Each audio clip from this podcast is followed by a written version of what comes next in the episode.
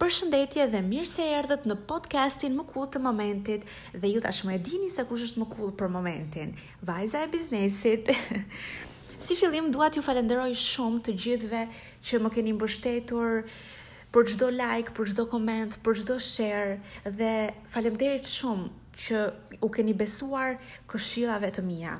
Jam me të vërtetë shumë e lumtur që në kaq pak kohë arrita të krijoj një komunitet me njerëz që pëlqejnë biznesin, me njerëz që duan të zhvillohen, që duan të ecin përpara dhe që duan të punojnë shumë. Sot kam zgjedhur një temë shumë të veçantë për ju edhe për veten gjithashtu, e cila ka të bëjë me idenë nëse ne si sipërmarrës të së ardhmes, duhet ta marrim këtë rrugë vetëm pra të jemi self-made, në thonjëza, siç quhet lart e poshtë, ose të kemi njerëz përreth, të kemi njerëz të tjerë përkrah, njerëz si vetja, njerëz që na mbështesin dhe që na motivojnë të ecim çdo ditë përpara dhe të ngrihemi çdo ditë më shumë.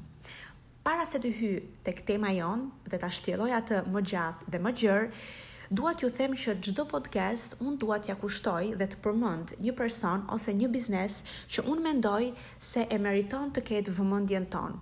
Dhe sot kam zgjedhur një vajzë shumë speciale që nuk kam shumë kohë që e njoh, por për kaq pak kohë më ka hyrë shumë në zemër për punën e saj të mrekullueshme dhe për kontributin e saj në rrjetet sociale. Ajo është Vanessa, Vanessa dhe Instagrami i saj është Vanessa the Manager. Dua ta përshëndes shumë fort dhe dua t'ju them që hidhini një shikim Instagramit të saj sepse jam e sigurt që nuk do largoheni më.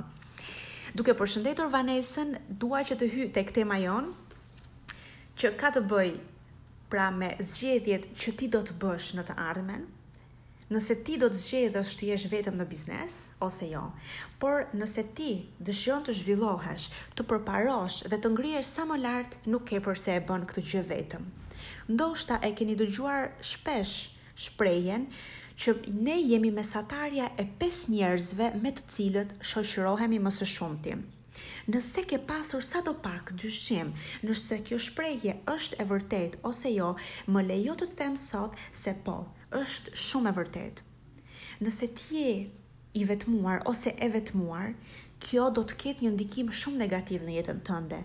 Por nëse ti i lejon vetes të shoqërohesh me njerëz të ngjashëm me veten që të ndihmojnë të rritesh, do të ketë një impakt shumë pozitiv në jetën tënde personale, po ashtu edhe profesionale.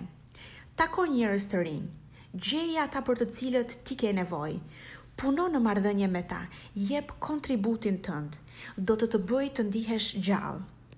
E nëse ti ke këta njerëz, lufto që marrëdhënia juaj të rritet dhe të zhvillohet çdo ditë.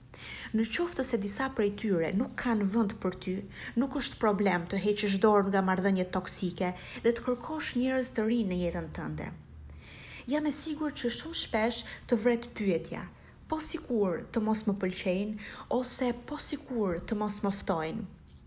Ndoshta ti nuk po u jep një mundësi atyre dhe vetes nga frika e refuzimit. Prandaj, shikoje gotën gjysmëplot, jo gjysmëbosh. Bëji vetes një nder.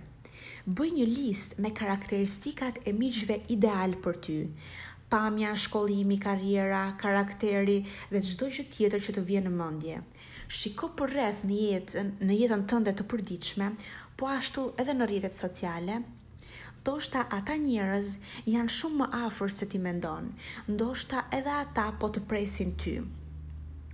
Miqtë do të të kërkojnë ulje, ju e dini këtë besoj dhe ndoshta u ka ndodhur, ndërsa miqtë e ngushtë do paguajnë çmimin e plotë vetëm për të të mbështetur. Edhe ti Nëse ke një mik, nëse ke një mikeshë që po hap një biznes ose po lançon një produkt të ri, mbështete, blija, shpërndaje dhe fol për të, pëlqeje në rrjetet sociale, bëj një koment ose një review. Është gjëja më e bukur dhe më njerëzore që mund të bësh. Ti po merr pjesë në krijimin e ëndrrës së dikujt.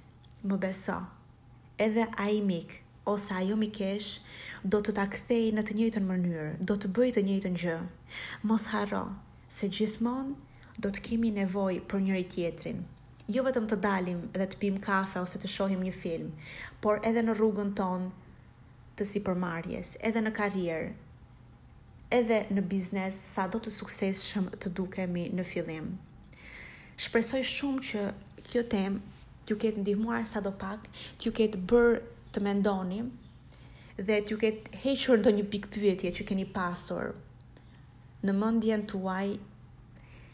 Unë dua shumë që t'ju falenderoj edhe një herë që të mos bëhem e bezdisshme.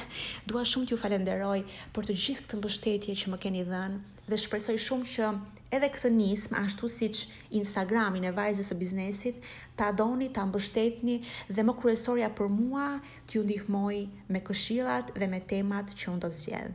Ju përshëndes shumë fort dhe ju uroj një javë sa më të mbarë.